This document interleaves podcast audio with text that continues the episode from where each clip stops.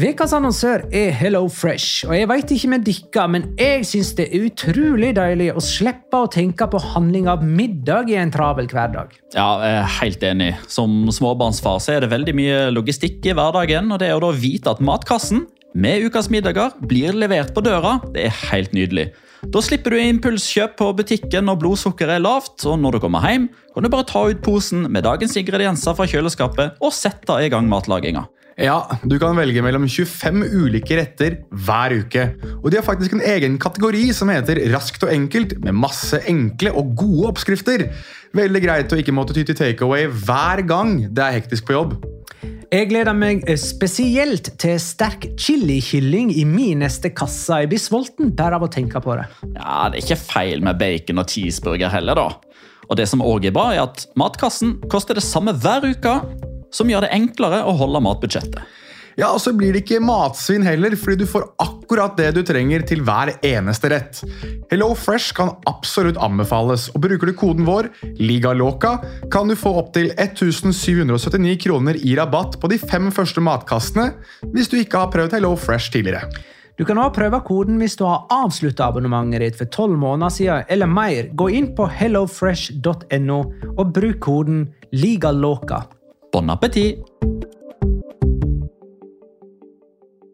Hallo? Jeg kommer fra Oslo politikammer. Ine Jansen er purk. Er du purk? The motherfucking bitch. Alt jeg vil, er å finne ut hva som skjedde med mannen min. Jon Carew. Er jeg sikta for noe? Iben Akeli. Det er du. Ole So, Lars Berrum og Big Daddy Karsten. Hvem sin side er du på, egentlig? Anette Hoff, Tone Danielsen, Kommer du fra Afrika? Jørnis Josef, Nesten. Kløfta. Trond Espen Seim. Det er synd å si det, men det var feil mann som døde. Purk. Premiere tirsdag på TV2 Play.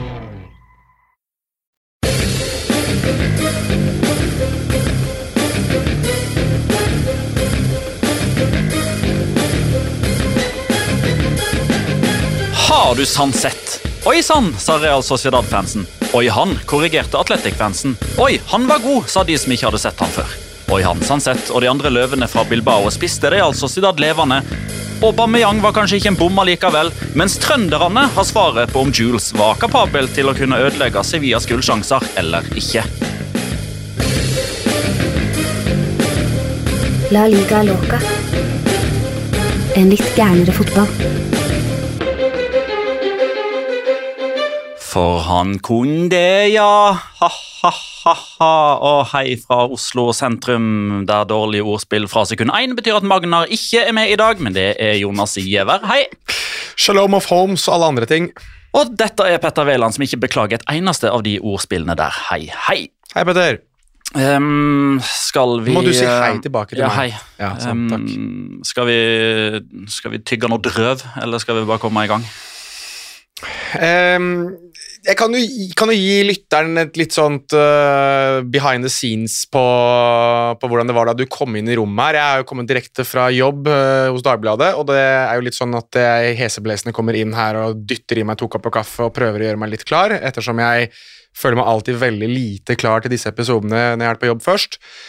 Du kom inn og med en eneste gang og var et eneste stort fyrverkeri. Så, Yes. så jeg kjenner at eh, jeg skal prøve å matche deg på energi. Mm -hmm.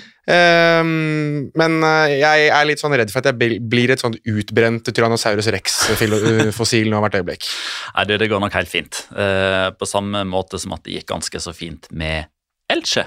Da den eh, serierunden eh, som nettopp er eh, i ferd med å bli spilt ferdig. Det er jo fortsatt en kamp som gjenstår der, men den 25. serierunden den starta på Martines Valero. Elche Rayo Vallecano 2-1.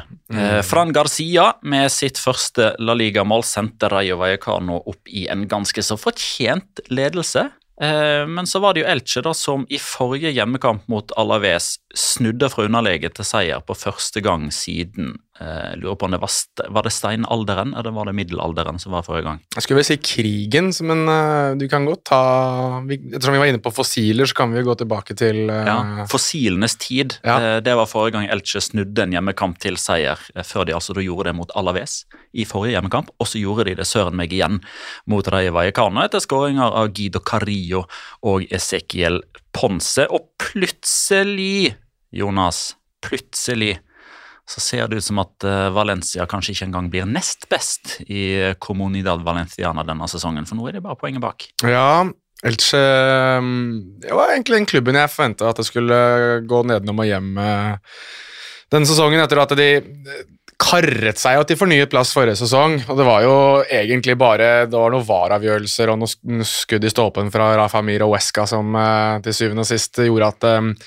Elche kunne strekke armene i været og spille sesongen 2020 Nei, sorry, 2021-2022 også i Spanias øverste divisjon. Men altså Ezequiel Ponce, altså. Det er sånn uh, altså Jeg husker jo Ezequiel Ponce. Han var sånn altså Som absolutt alle spillere som kommer ut av Argentina, gjør to-tre morsomme ting i ung alder. Og sånn som Man tenkte at wow, her er det noe helt helt spesielt. Så dro han til Roma, og ingenting skjedde. Og så hadde han vel et opphold i Granada? han ikke det? Jo, og der skåra han i debuten. Og så gikk han 22 målløse kamper etter det. Ja, han skåra debuten her, åpenbart. Yes. Ja, så nå... Tok 17-18 minutter.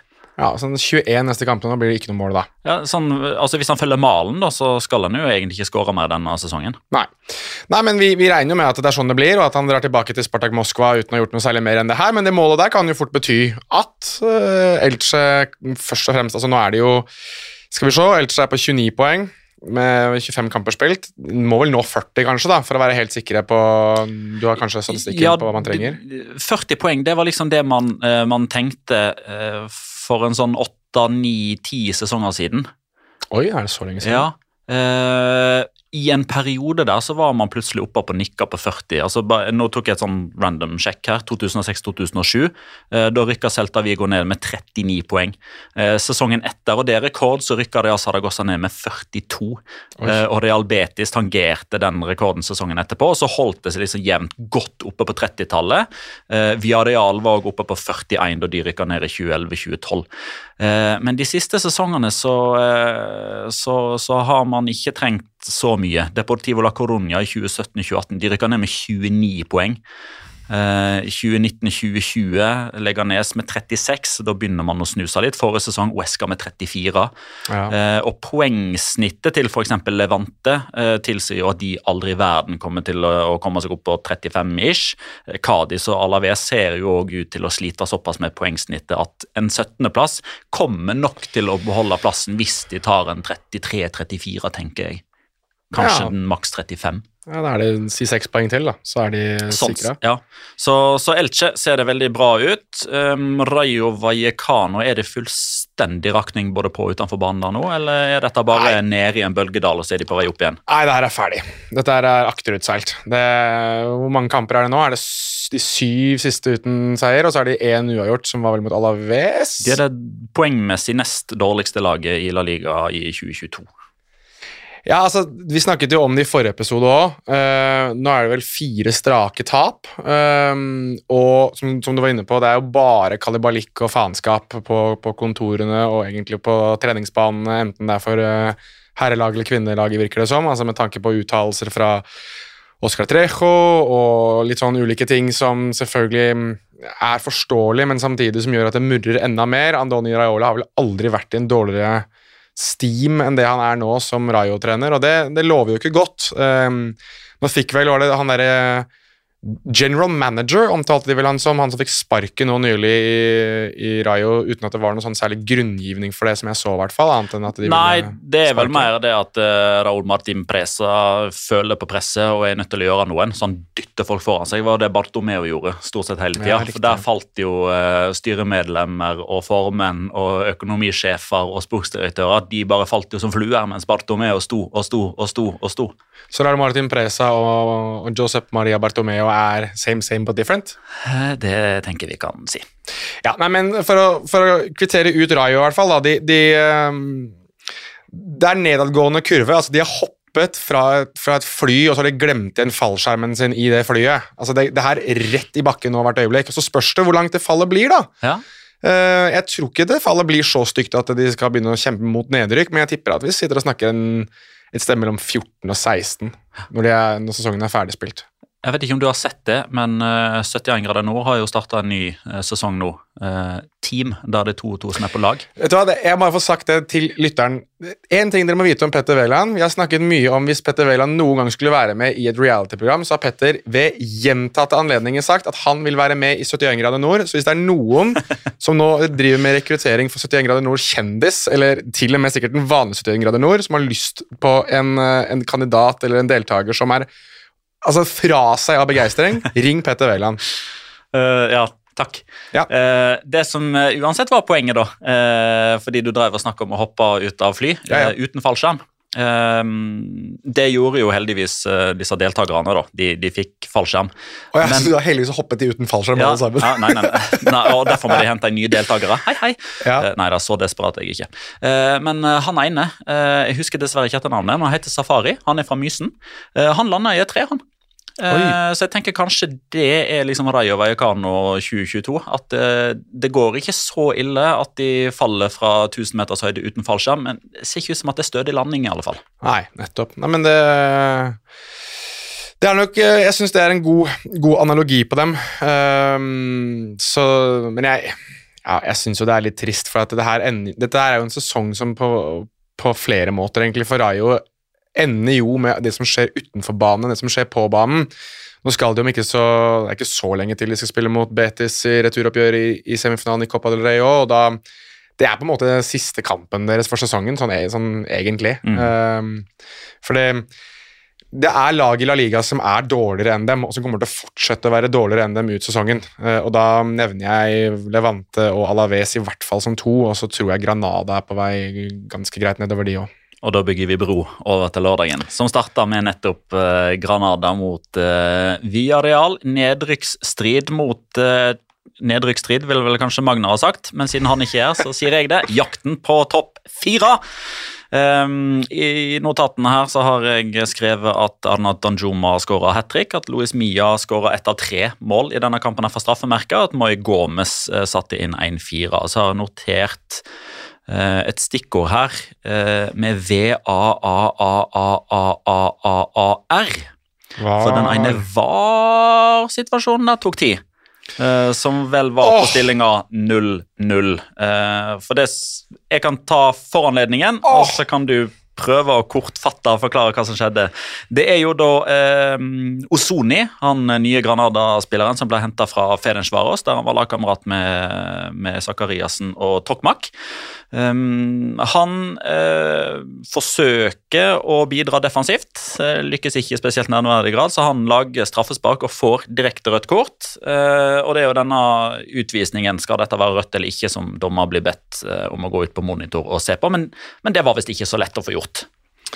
Nei, det var ikke, det var ikke lett overhodet, og mm, en av um, en av våre holdt på å si, eh, lojale lyttere, eller faste lyttere, Andreas Seipa- Seipajärvi, han spurte jo litt om hva det var som egentlig skjedde i den situasjonen. Han spurte ned på Twitter. og eh, For å prøve å ikke dra dette for langt ut altså Det første han spør om, er jo hva som egentlig skjer eh, med, med om Ozoni ble utvist eller ikke.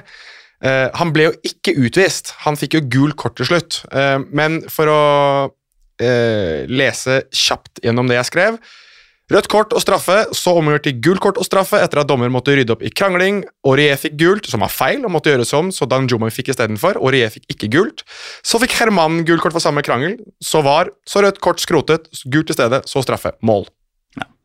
Og dette tok eh, seks og et halvt, sju minutter ish. Jeg tror det morsomste med hele den situasjonen der var uh, Det Hilman Sano som Ja. skal ut og sjekke. Uh, var, altså du, du får jo opp den der var split screen, og du, du skal få se hva han får se. Og så snur han seg og løper tilbake igjen, for da har det brutt ut krangel mellom, mellom Danjuma og Herman.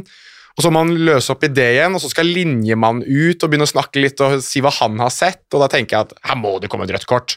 Altså, det er uh, Vaya Rafa no mejodas, tenkte jeg med en eneste gang, for de som tar den referansen der.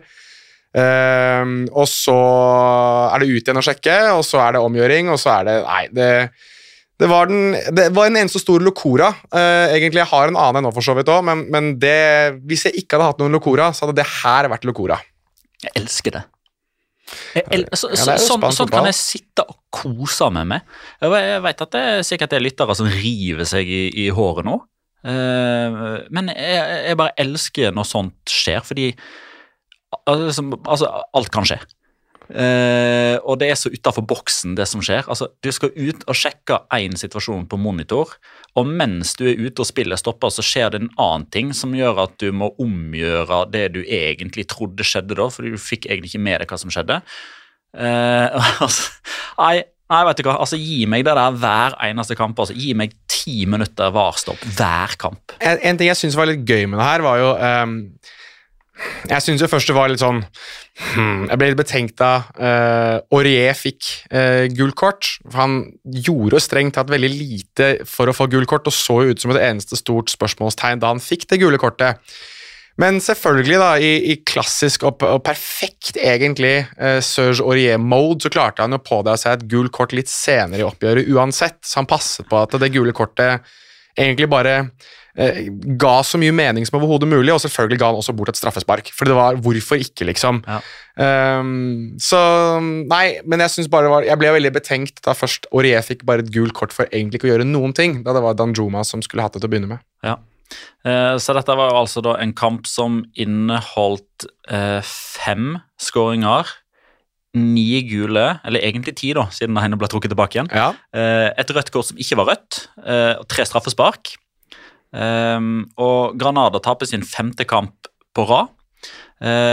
Og om de taper 1-3 eller 1-4 Altså, det Hvis absolutt all maksimal uh, uflaks plutselig faller ned over uh, Los Carmene, så kan det hende at den 1-4-skåringa betyr at de rykker ned istedenfor å beholde plassen. Men da må de for det første havne på samme poengsum som et lag som de har likt innbyrdes oppgjør mot, og så må den generelle målforskjellen være ett mål dårligere. Så mm. det, skal, det, skal, ganske mye til for at den 1-4-skåringa eh, blir avgjørende på noe som helst vis. Men uh, din gode venn Robert Moreno han, uh, han, han takla ikke det 1-4-målet så veldig bra. Fordi i det fløytesignalet gikk, uh, og jeg er litt usikker på om dette her kom ut på, på selve TV-kampproduksjonen, for dette her så jeg på oppsummeringsprogrammet til Movistar søndag kveld. Da, da går jo Onai Emiri han går jo berserk, sånn som han alltid gjør uansett når lagene skårer, så er det ned og knytte med nevene ja, og hilse på støtteapparatet. og sånt. Eh, og Rett etterpå så blåser dommeren av kampen, og under Emeri liksom, ok, da besinner han seg bort, går mot Robert Moreno, ut med lanken, og Robert Moreno mm -mm, Niks, du jubler for 4-1. Nei, nei, nei, du kommer ikke her og tar meg i hånda etterpå, da. Det er litt sånn som da José Mourinho nektet å ta Antonio Conte i hånda eh, da United møtte Chelsea for noen år siden. Da de jubla, da Chelsea eller Antonio Conte jubla noe helt hinsides på 3-0, eller hva det var for noe. Og det mente Mourinho var respektløst, for da lå de allerede nede. Da var det liksom sånn, Du jubler ikke for det. Det, det er liksom kollegialt å ikke gjøre. Så det er litt det samme. Så um, Robert Moreno og José Mourinho de er, ja, de er litt av samme ulla. Forskjellen er bare at Mourinho har klart å være litt karismatisk og litt, tidvis litt morsom, mens uh, Robert Mareno ikke har klart det. Nei, så nå går det virkelig mot uh, skjebnekamp for uh, Cádiz og Granada, som jo møtes i neste serierunde. Uh, vi skal straks til Cádiz, men uh, før det så var det jo en kamp som ble spilt i Pamplona mellom Osasona og Atletico Madrid, som endte 0-3 etter skåringer av Joao Felix, Luis Suárez og Ángel Correa. Og dermed, Jonas Giæver, 90 13.2 så kom den første bortekampen til Atletico Madrid denne sesongen der de ikke slapp inn mål. Hva skjedde? Det som skjedde, var jo at de skårte veldig tidlig, først og fremst. Um, og altså For all den kritikken vi har gitt Diego Simione, så er det én ting Atletico Madrid fortsatt er forholdsvis gode på. Altså De er dårligere enn før, men de er forholdsvis gode på det å forsvare ledelser. Um, så, er, så, kan du godt si at ja, men hva er sammenligningsgrunnlaget? Ja, Hvis du sammenligner med 2013-2014, selvfølgelig er de bånn i bøtta, for de har gitt vekk en del ledelser òg. Men de har det i seg fortsatt til å, å, forsvare og det å kjøre på i kontra. Og Det syns jeg de var veldig gode på her, samtidig som at Osasuna altså Ante Bodimir har vel skåret ganske ofte, egentlig, mot Atletico Madrid, både for Mallorca og vel for Osasuna, så han, han, han er jo en type som kunne ha gjort litt vei i vellinga for dem, men Samtidig så, så, synes jeg egentlig at Atletico Madrid hadde forholdsvis god kontroll. Um, og noe av det er jo litt også det at de, de gikk jo tilbake igjen til 4-4-2. Ja, det var mitt neste spørsmål. Altså, er det, er det så enkelt at nå skjønner Simion at denne prøve-feil-eksperimenteringsgreia må, må slutte? Eh, fordi bakteppet her er jo at på torsdag eller fredag, eh, dagen etter eller to dager etter hjemmetapet mot Levante, som Altså jo er uke. all time low. Ja, nå er det jo mandag, så ja. Ja. mm, eh, I forrige uke. Eh, så kom det jo først en sånn merka konfidensial med at det er ruptura mellom Diego Simione og sportssjef Andrea Berta. At Simione ikke føler at han blir backa eh, tilstrekkelig, at han ikke får de spillerne han ønsker på overgangsmarkedet. Eh, og at dette da naturligvis da kom inn mot bortekampen mot Osasona, der David Garcia spiller, var jo òg en sånn typisk sånn ja, bra timing på saken. Eh, men, eh, men da så jo eh, Miguel Angel Gilmarin sitt snitt til å vedlegge sine disipler et besøk på treningsfeltet dagen før kampen, og å komme med en sånn statement på, på hjemmesiden med at vi har full tiltro til prosjektet, til Simione. Eh, nå må alle bare legge alt de har eh, i hendene fra seg, sette alle kluter til, og nå starter en ny liga for vår del, som varer i 14 kamper, og alt handler om å havne topp fire. Miguel Angel Kilmarin er hvem? Han er Atletico Madrid-president. Ja, bare for å ha tatt det med. Eh, og han, han snakker sjeldent. Han bryr seg sjeldent nok til at han går ut offentlig. Det er som regel Enrique Cerezo, eh, som, som er mer hands on, som pleier å være den som, eh, som går ned i garderoben etter kamp osv. Sammen med Andrea Berta. Det at Hilmarin var den som tok til orde, legger på mange måter litt premissene for hvor alvorlig situasjonen er.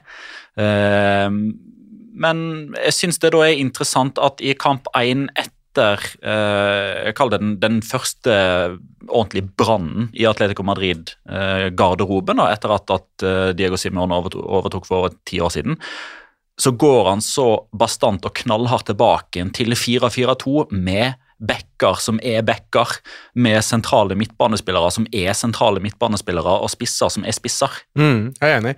Bare for å korrigere oss selv. Altså det, det er Hilmarin er jo den som er daglig leder, og så er det Enrique Cerezo som er president. bare sånn... Ja, Hilmarin er eier.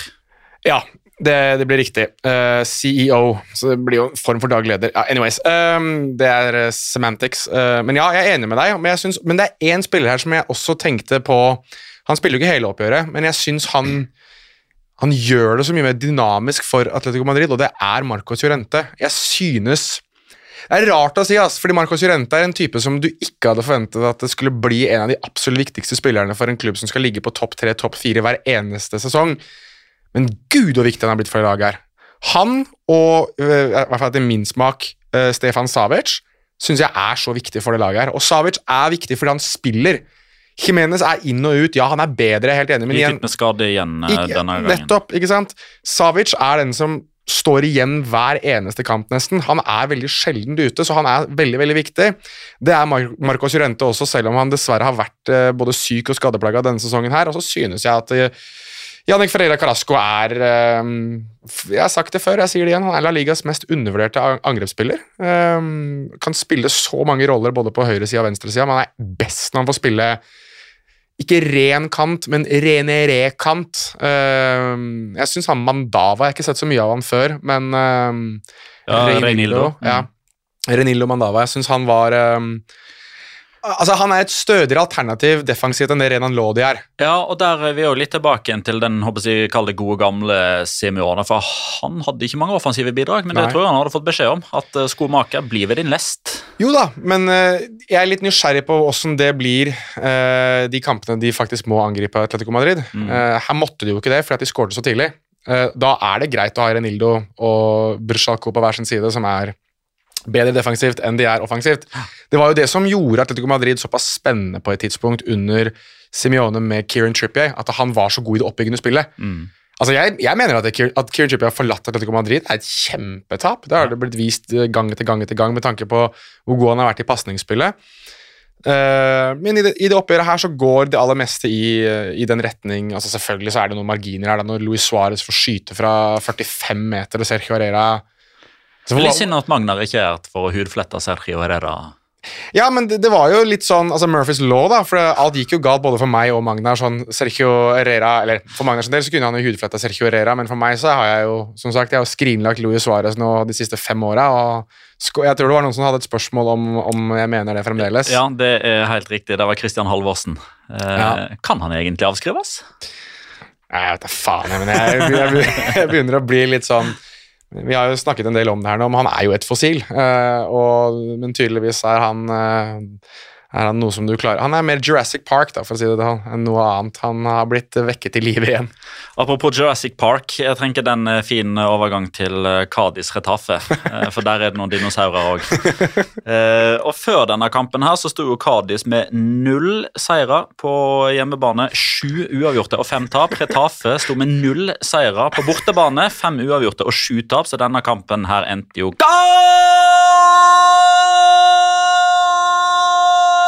Garantert uavgjort, sa folk før kamp. Ja, Og det gjorde den jo. sa folk. 1-1. Det sa folk. Mange folk som sa det.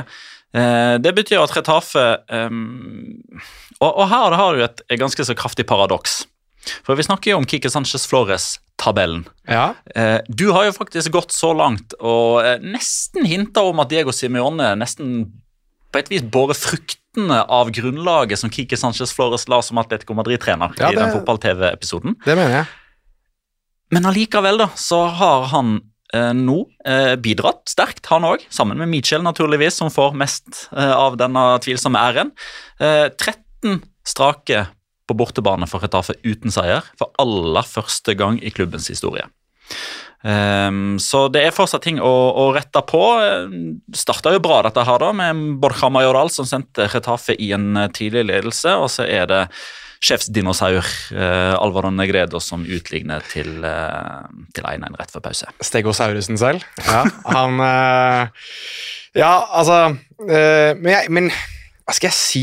Det er noe med det Retafe-laget her jeg liker, altså. Jeg, jeg syns det er ehm, de, de har klart å finne den, der miksen mellom det å være en gjeng med bråkebøtter og det å nå kunne fostre fram et par litt sånne morsomme artister også. Altså, jeg har nevnt det en del ganger, men du ser det litt oftere nå. liksom Oscar Rodriguez og Mauro Arambarri side om side. liksom. Det er, det er veldig veldig rart å se på, men samtidig så er det fryktelig gøy. Altså, du, de, de får så mye ut av det. og Selvfølgelig når eh, Damian Suárez begynner å lage bråk utpå der også det er, Nei, det Getafe er et lag som har blitt litt gøy igjen, men de er, men de er jo um, de er gøy på Hva skal jeg si da? Altså, De er gøy på de premissene du selv finner humor i. Og jeg, Vi vet jo at jeg har en veldig rar form for humor, og det tror jeg du har også, Petter. Ja, ja, definitivt. Og dette her er jo eh, enormt eh, subjektive preferanser. På samme måte som at jeg kan sitte og se mm, ti minutter med var kaos og monitorskjerm og krangling, så skjønner jeg jo at eh, andre folk har det langt opp i halsen. Kan, en annen ting som jeg synes var litt gøy her um, Nå vet ikke om du har det som Locora, det her har vi ikke kryssjekka med hverandre, men det er godt at jeg i så fall stjeler denne vei. Um, Fali i den kampen her um, Jeg husker ikke hvem det var som skjøt, eller jeg tror det var Arambaré som skjøt. Og Falip, Og han skyter hardt. Og han skyter jævlig hardt. Han har jo, han har jo alltid én eller to golazos hver eneste sesong der han Ja, ja, skyter ja. fra 25 til 30 i krysset. Den her hadde nok faktisk gått i krysset nå hvis ikke Fali hadde satt trynet sitt foran ballen. Altså, han skyter jo Fali i bakken. Altså, det var jo, Han måtte jo ha hjelp, og selvfølgelig Jeg, jeg blir litt sånn redd når jeg ser hodeskader, men ehm, men det at Fali er så klin hakke gæren at han setter trynet sitt foran det skuddet til Arambari, det, det applauderer jeg litt, altså, selv om det ikke ledet til noe særlig her annet enn at han måtte ut og ta seg en fem minutter på sida før, han ble dytta inn på igjen. Eller ble han dytta inn på igjen? Ja. Han ble bytta ut til slutt, i hvert fall. ja. Eh, men uh, de fem bokstavene som kom ut av hans munn da han Pumba? Ja. Ja, ja. Real Madrid Alaves 3-0. For aller første gang. Ehm, og nå må du hjelpe meg litt her nå. Ja. Ehm, skal vi kalle det for VAB, eller BAV, eller BDA, eller hva blir det når Benzema, Venicius og Ascencio skårer sammen uh, for første gang? Jeg synes Vab høres morsomt ut. Ja, da. VAB, ja. Vab. Ja. Det, ja. Da etablerte vi eh, stjernetrioen VAB eh, mandag 21. februar. Eh, for det var Ascencio, igjen fra utenfor 16. Ja. Mannen klarer jo ikke å skåre vanlige mål. Eh, Venicius med en eh, veldig fin prikk eh, over en veldig fin I. Eh, og Karim Benzema fra straffemerket på, eh, på overtid. Det var, det, Ja, har vi, har vi, dette, dette er en litt rar kamp. Altså, den, den kampen her, jeg skrev det jo i discorden vår, var dritkjedelig. Det var en møkk kjedelig, det var en elendig fotballkamp.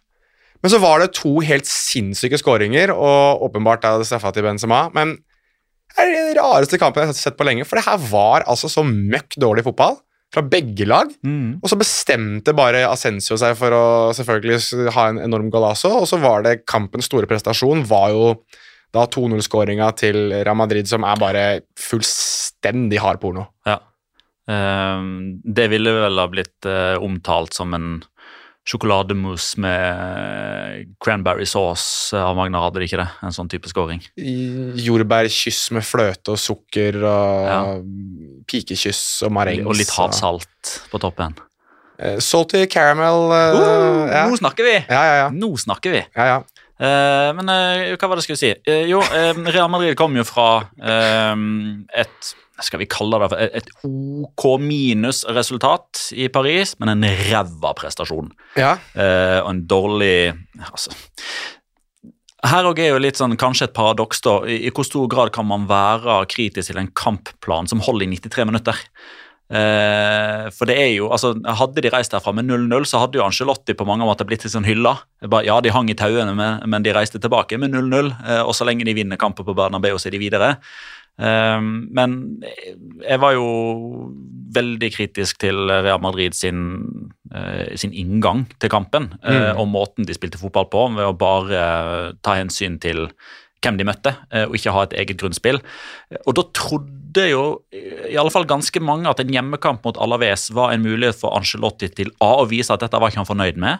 Eh, Han var ikke fornøyd, han var ikke fornøyd med eh, innsatsen eller kvaliteten på spillerne som han valgte i forrige kamp. Mhm. Han var heller ikke spesielt fornøyd med sin egen innsats, så kanskje skal vi prøve å endre og mikse opp litt. Og kanskje er hjemmekampen mot Alaves en mulighet eh, som gjør at Kamavinga kan få spille, som gjør at Eden Hazard kan få en kamp, at Dani Ceballos kan kan få litt flere minutter enn de åtte som han fikk. Nei da, én endring. Én endring, og det var Tony Cross som fikk hvile. Én endring inn med Federico Valverde. Er ikke det litt rart? Nei, Det er jo også å skape en litt godfølelse, tenker jeg. Altså At de spillerne må, må kjenne litt på det at eh, Ja, men det gjør de jo hele tida. De spiller jo hele tida. Jo, jeg er for så vidt enig i det, men jeg tror, jeg tror at det her er et lag som de, har, de ble kasta rundt i spansk media etter eh, det, det tapet mot Paris Saint-Germain. Altså, mm. som du sier, 93 minutter med en kampplan som fungerer, ja, men det er også 90, 93 minutter der man strengt tatt ikke visste om det var Gianluigi Donnarumma eller Keylor Nava som sto i mål for PSG, for du så han jo aldri!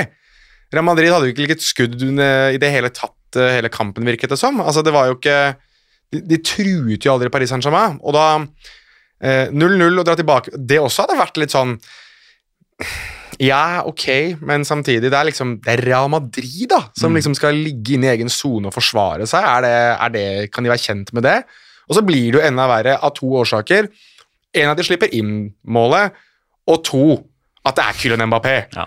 Det ser jo enda verre ut da. Det gjør det. det gjør det. Eh, men for å pensle litt tilbake på, eh, på Valverde, som jo får en kamp fra start nå, og Kamavinga, som, som fortsatt eh, ja, eh, ennå ikke har jeg, fått anledning til å ta av. Vi har fått inn et par spørsmål fra Kim Allergott og Johintan Charles P. Cruise. Uh, Fantastisk navn. ja, det er kult, han. Det første er om Ernesto Valverde. Kan Real Madrid risikere å miste enda en fantastisk spiller? Da tenker han kanskje på Kovacic Ødegaard, som jo har blomstra i sine nye klubber. Du skal vel inn på Federico nå, for hvis det er Ernesto Valverde som de skal få til å spille igjen nå, så hadde det vært det er nok eh, Federico Valverde. Ja, riktig. Eh, Kan Real Madrid miste eh, enda en fantastisk spiller pga. at pensjonistene soon to be har sin faste plass? Eh, og Kamavinga eh, hintet han hinter i retning om at han syns at Kamavinga eh, fortsatt tidlig da, eh, ser mer ut til å gå i retning eh, Mamadou og Lasdiara enn Oi. Claude Makelele, ut ifra at han ut ifra hans perspektiv og ikke har tilliten til Angelotti, og når han først får spille, så blir han brukt feil. Ja Jeg syns Kamavinga er altfor tidlig. Ehm, jeg ser bekymringen for at man har sett litt den herre Altså, Du kan jo egentlig faktisk gå så langt tilbake som til Lucas Silva. Altså sånn Med tanke på det å ikke få noen sjanser, og det å egentlig bare til syvende og sist uh, falme litt i blinde, da. Ehm, Samtidig så, så har jeg ment at det, litt sånn som man var inne på her, at Kamavinga er blitt brukt feil. altså Han har jo vært en type box to box. Eh, ikke nødvendigvis kun playmaker, men også en type som har kommet litt inn i boks og, og vært en, en offensiv bidragsyter eh, i løpet av sin karriere. og I Real Madrid har han slitt litt med å finne posisjonen sin. Det er jo noe som gjør at han er ganske lik Martin Ødegaard på en måte. Um, men jeg syns det er altfor tidlig å begynne å bedømme det, for da han kom til Real Madrid, så var første kampen så var det jo gull og grønne skoger, og her er den nye superstjerna. Og så har man jo lest at Real Madrid selv i etterkant har kanskje tenkt at oi, ja, han er ikke den spilleren vi kanskje egentlig så etter, så la oss prøve å hente Aurier Chouameni, som spiller i eh, Monaco, for at han kan få det beste ut av Kamavinga. Så spørsmålet er jo litt om han nå da tenker at la Kamavinga, som er fortsatt veldig, veldig ung, få lov til å bli vant med Real Madrid, vant med treningsnivået, vant med Spania, kanskje bli litt mer hjemmekjær i Madrid. For så kunne kanskje hente Chamonix, og så bygge kanskje en sånn fransk akse på midtbanen der, da, som ville gitt mer mening i så måte, fordi Kroos blir ett år eldre, Modric har begynt å se at fundamentet knekker litt under han også nå, og Casemiro er vel fortsatt en ganske stor hakkekylling blant veldig mange Real Madrid-supportere fordi at han ikke er rask nok, rett og slett. Um, så det er inntil tre vokser inn i himmelen, men jeg tror at uh, Kamavinga og også Valverde, som det var spørsmål om, hvis de er litt mer tålmodige, så tror jeg de får uh, mulighetene sine. Og jeg har jo sagt før altså Federico Valverde er min favorittspiller i Real Madrid sammen med Karim Benzema. Jeg elsker Federico Valverde. Det er Arturo Vidal. Mm. Der er Tore Vidal. Altså, det samme type. Akkurat samme. Noen du derimot ikke elsker, det er Alaves, eh, som gikk på sitt syvende strak eh, bortetap. Det er første gang siden 1969. Og pga. at eh, Real Madrid tok de tre poengene sånn forholdsvis eh, enkelt utover den eh, andre omgangen, så betyr jo det at de overnatta med sju poengs forsprang ned til Sevilla, som starta søndagen i La Liga-sammenheng på bortebane mot Español. Rafa Mir sendte Sevilla i ledelsen. Da så det ut til at det forspranget skulle igjen da gå ned til fire, men så var det han der Saji Darder som fortsatt driver og banker løs på den der darderismoen sin med at hvorfor kan ikke Español ville ane sine kamper? Han har fortsatt et stykke å gå, men han sikra jo ett poeng her, da. Uh, og har jo da i løpet av de to siste hjemmekampene virkelig uh, blitt en litt sånn uh, Skal vi kalle det for en litt sånn små kulthelt blant Real Madrid-fansen. Først så er han med på å ta to poeng fra Barca, så to poeng fra Sevilla. For den kampen endte 1-1 til slutt. Ja, vi, vi, snakket ikke om det siste episode. Vi, altså Målfeiringa hans med tanke på å bli Real Madrid Ja, kjørte jo den Cristiano Ronaldo i feiringa da han spilte for Español hjemme mot Barcelona. Men nei um, Sevilla, altså hva Nei, altså, Jeg kan jo stille spørsmålet fra Roar med skarre R. Bare to tap, men ni uavgjorte har det blitt nå på Sevilla. Er de gode som unngår tap, eller er de dårlige som ikke greier å snu flere av de til seier? Det er et veldig godt spørsmål, syns jeg. Um, man må nok også betrakte hvem det er de møter. Uh, Spanjol er jo, har vi jo vel egentlig sagt de siste altså både denne sesongen, forrige sesong og egentlig sesongen før der igjen, at er for gode til å rykke ned, og at de egentlig burde være en klubb som utfordrer for Europa League-plass. da. Uh, sett i sum av eh, størrelse på klubb og spillere de har hatt og, og har fremdeles. fremdeles. For Nå er de på, på en 14.-plass, uh, eh, og de har havna i et vakuum. De er i det samme sjiktet som, som Rayo Vallecano, som Valencia, som Elche, med at det er ni poeng ned til nedrykk, så det er ingen umiddelbar fare der, og det er ni poeng opp til konferanseplassen. Ja, jeg, men jeg tror det handler også litt om at den klubben, kanskje på lik linje med Real Madrid, hvis vi skal ta en sammenligning der, at de har det største spriket ned fra sin beste spiller til sin nest beste spiller på, når det kommer til uh, spissplass. Altså, det er jeg vet ikke hvem som er neste på lista. Etter Raúl og Thomas er det Javi Poado liksom, som de hadde spilt uh, på topp. Er det Voley plutselig? Altså, det er, jeg vet ikke hvem det er som egentlig skulle vært den virkelige backupen der. Um, jeg tror de hadde et håp om at det skulle være Alandri Di Mata, uh, men han har jo uh, Hvem? Egen, uh, jeg husker Johan Sjøbakk Lund er jo en Han var en fastlytter av La Liga Loca, iallfall. Jeg håper at han fortsatt er det. Jeg husker at han var begeistra for Landry Di Mata for det han hadde gjort da han spilte i Belgia. Ja. Uh, men i Spanjol så var det liksom ok på nivå to. Uh, bidro greit til opprykket. Uh, men jeg, det man husker Landry Mata for denne sesongen Jeg husker ikke nøyaktig hvilken kamp det var. Det er jo en sånn YouTube-bom. ja, altså, helt stemmer. ufattelig at han ikke skåra. Det var, det var, en kamp som sto og bikka, som de kunne ha vunnet, men som mm. de tapte til slutt. Antri Marcial her for øvrig ble skada for Sevilla, gjorde han ikke det? Ja, han gjorde det. um, og eh, det betyr jo at eh, han Det får man jo ikke svaret på før senere i uka, men det brenner et blått lys for hans deltakelse i eh, El Gran Derby, som jo spilles på søndag. Lucas Ocampos Mm. fikk sitt eh, femte gule kort, og, eh, og spiller jo da ikke kampen pga. karantene. Og så eh, kan jeg sitere Jens Olav Strand. Eh, Strand JO på Twitter. Eh, Jules Condé har for all del grunn til å bli litt irritert, men det er andre gang på kort tid han mister hodet fullstendig i situasjoner han må regne med å komme i sikkert 100 ganger til i løpet av karrieren. Eh, han blir jo holdt igjen av Havi Poado. Typ destruktiv, skikkelig sånn holde i, i drakta og ikke slippe taket uansett F. Møkkaoppførsel. Ja, skikkelig møkkaoppførsel, som Javi Boado da får gult kort for. Eh, og liksom, for å komme seg løs eh, så bruker jo da Jules Condé sine armer, men, men i litt mindre kontrollerte former. Så Det er liksom én høyre, én venstre, én høyre. Eh, kall det slag, fordi armene altså det er en intensjon her. Han Det jo- slenger løs på armene sine, ja. Sleng, ja, slenger løs, og et par av de treffer mage slash litt lenger ned-regionen, som, som gjør litt vondt hvis man blir truffet der. Eh, hørte en engelsk podkast tidligere i dag, den Elton John. Eh, Ja, ja, mm.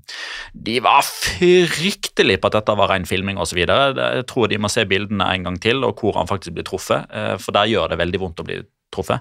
Eh, det som er bakgrunnsstoryen her, som vi kanskje glemmer litt, eh, det er jo at man, man ser liksom f.eks. på livescore da, så, ah, Jules er direkte rødt, og her skulle ikke han ha vært utvist. Men nei, det kan godt hende at han ikke skulle hatt direkte rødt, men mannen har gul fra før av, så han hadde blitt utvist uansett. Så jeg tenker det er ikke så relevant, egentlig. Han får en kampskarantene uansett. Han mister El blir uansett. Eh, men igjen da tilbake til, til Jens Olav Strand. altså Sånn type oppførsel to ganger i løpet av kort tid for Jules Condé, Mm. er det nok til å få interessen fra andre klubber til å kjølne litt? Typ Chelsea, som jo har ligget langflat etter han tidligere. Nja Jeg vet ikke det, men jeg tror um, Altså, jeg, jeg, tror at Jules Condé er litt øhm, frustrert jeg, over at han ikke fikk den overgangen til Chelsea. For Chelsea var jo inne med store bud, og Chelsea var regjerende Inntil du framfor om at han er i ferd med å slå seg vekk fra klubben? Øy. Ja, jeg eh, Altså, jeg, jeg syns i hvert fall at i starten av sesongen, da han skulle inn og spille for Sevilla igjen, så var han fryktelig dårlig, og han var liksom ikke noe Han var here, there and everywhere, og på, for en gangs skyld så var det ikke på en god måte for, for Sevilla sin del. Og så syns jeg det har vært litt sånn følgefeil gjennom hele sesongen. Det er flere som hadde han forståelig nok på en sånn form for uh, halvsesongens lag, på en høyrebacksposisjon, og det er jo litt fordi at han når han spiller midtstopper, så spiller han høyrekant og høyreback og defensiv midtbane og sentral midtbane og spiss, og han er liksom han er, han, han øh, holdt på å si, han øh, etablerte Alberto Moreno-rollen, som senere har blitt Alberto Moreno-rollen. Um, men jeg syns en, en vi må nesten må rette en litt sånn unnskyldning til, i hvert fall for min del. Altså, Diego Carlos har Nå har han våkna. Ja, men vet du hva, Apropos han, for jeg har skrevet notatene her nå.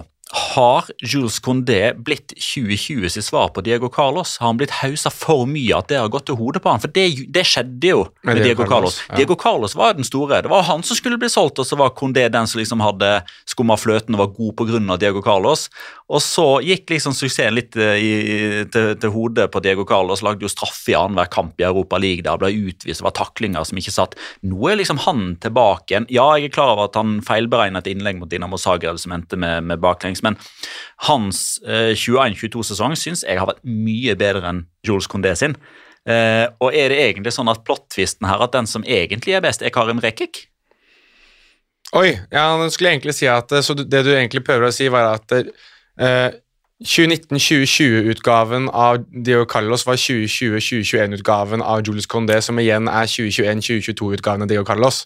Ja, Supplert med at eh, Karim Rekik nå har spilt 19 valgligakamper Liga-kamper bra uten å tape.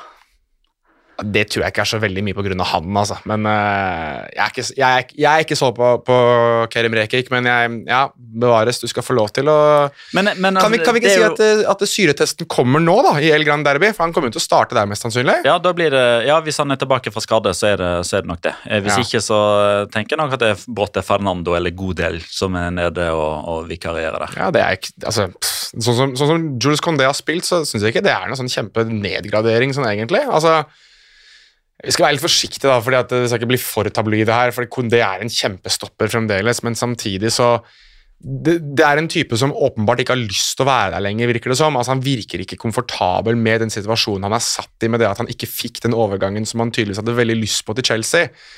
Og når da Chelsea siden har De ser ut, i hvert fall sånn ifølge ryktene, så ser det ut til at f.eks. Antonio Rüdiger kan bli værende i klubben.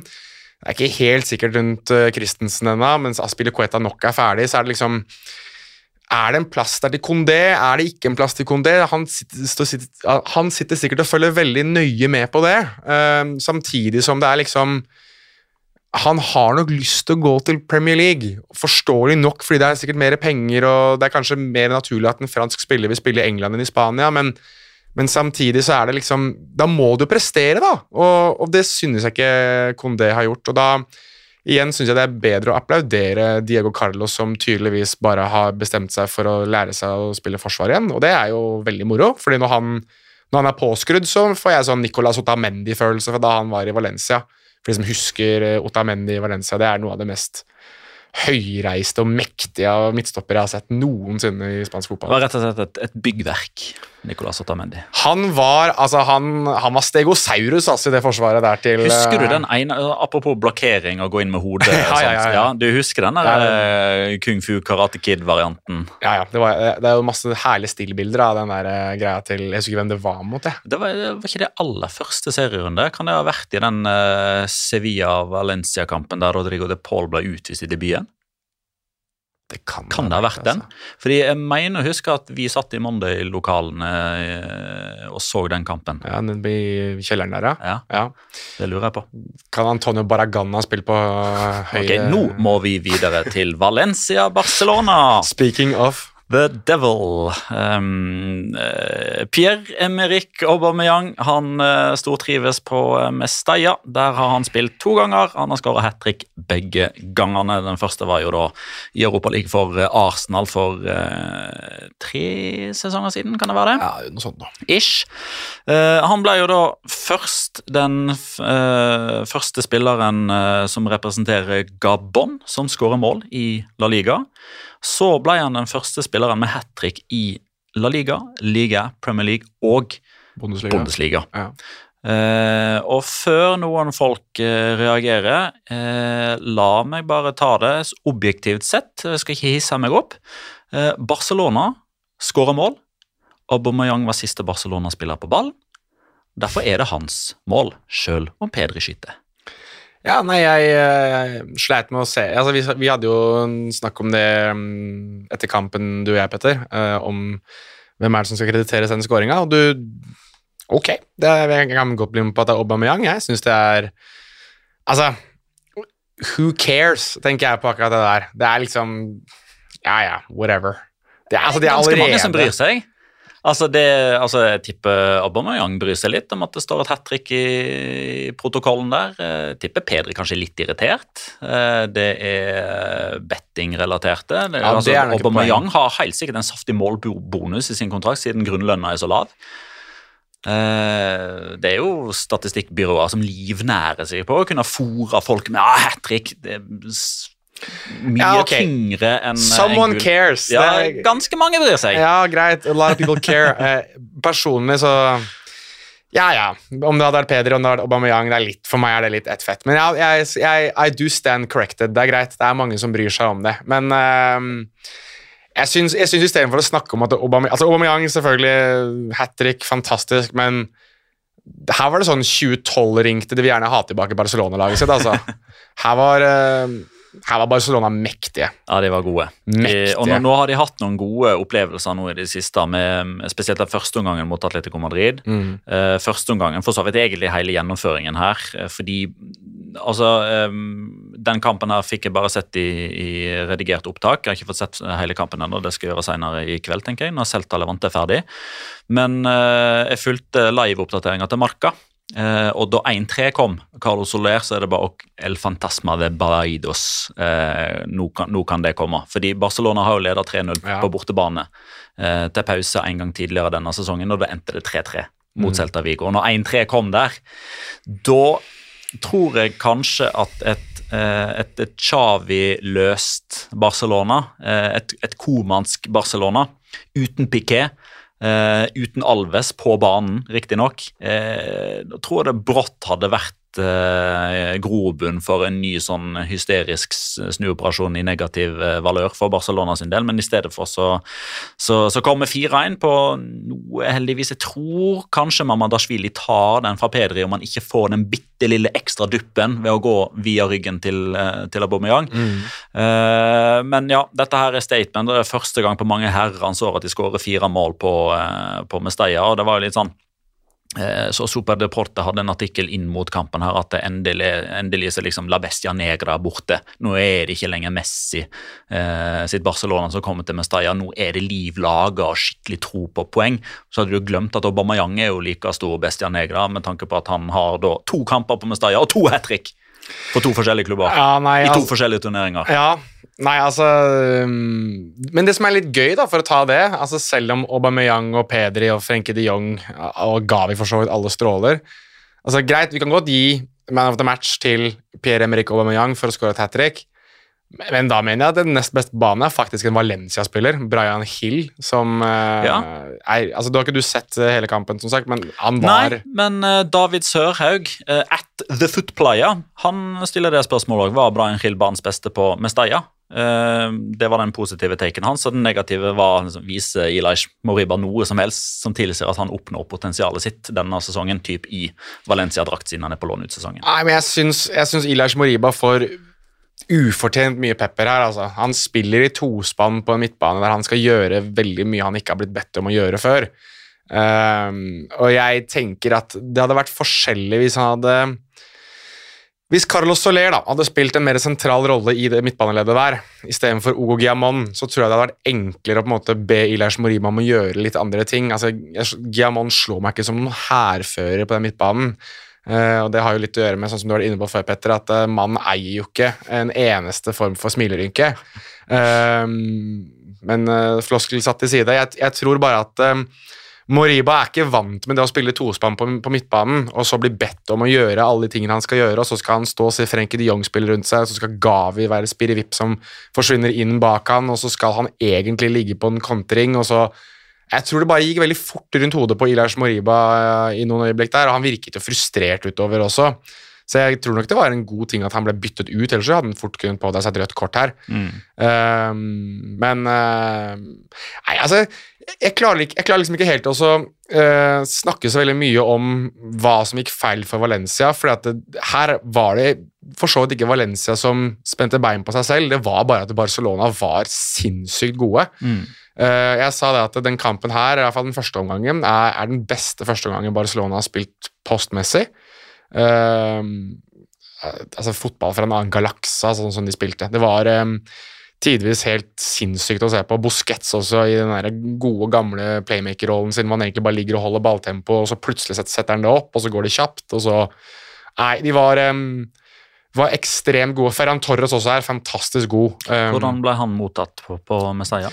det var fullstendig pipekonsert hver eneste gang han var borti ballen, og buing helt til siste instans. Det var, um, det var ubønnhørlig uh, tilbakekomst for, uh, for Ferran Torres. Som jo forlot Valencia til fordel for Manchester City for slikk og ingenting, og så uh, tilbake hjem til Barcelona, og da sa han vel noe så eh, blasfemisk som at da han dro til Manchester City, så håpet han å få lov til å dra tilbake til en stor, storklubb i Spania. altså da med konnotasjon om at Valencia ikke var det, selv om han er Valencia-gutt. Så det var ikke så mange, veldig mange som var fornøyde med, med å se ham tilbake en, uh, på Mustajas. Var sånn, uh, For noen runder siden så hadde vi jo David Silva som ble applaudert, og hver gang han var borti ballen, så var det nærmest hyllest da Real Sociedad møtte Valencia, mens her var det stikk motsatt. Ja. Um, det betyr at Valencia nå har spilt sju seriekamper på rad uten å vinne. Um, seks av de er jo i 2022. Uh, det er første gang siden 2016, og det var vel uh, Gary Neville-prosjektet som var i full vigør da, var ikke det det? Det er første gang siden 2016 at de ikke vinner noen av sine første seks kamper i et kalenderår. Og det er jo egentlig sju, for den syvende kampen, hvis vi går bakover i tid, ble jo spilt på nyttårsaften. Eh, Men eh, skal man ha et tidsintervall, så skal man ha et tidsintervall. Er det nå du skal eh, også dra den sammenligningen med at eh, også Gary Neville gikk på et ganske stygt tap mot Barcelona? Ja, Det var vel 7-0 på kampen nå, var det ikke det? Det er vel med veldig kjente bilde av Gary Neville som ser ut som han begynner å gråte mens det står 7-0 over grafikken over hodet hans. Hadde ikke han noe sånt sitat som gikk viralt da? At typ, hvis, man, hvis man hadde vært med på tapet med så mange mål i en fotballkamp, så hadde man lagt opp eller et eller annet sånt. Hadde han ikke sagt det som pundit?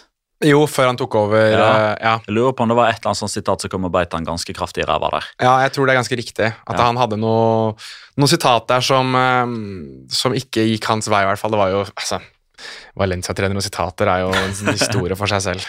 Uh, kjapt eh, spørsmål. Ja. Um, For nå ligger jo Barcelona da, de er jo da på fjerdeplassen. Um, de har like mange poeng som Atletico Madrid, men én kamp til gode. Nei, de får ikke fjerdeplassen. Uh, nei, det, det var egentlig bare det, Den har vi skrevet ned. Ja, ja. har Magna skrevet ned. Ja. Eh, men bare unnagjøre tabellplasseringa til Barcelona der, for de ligger Valencia på tolvteplass.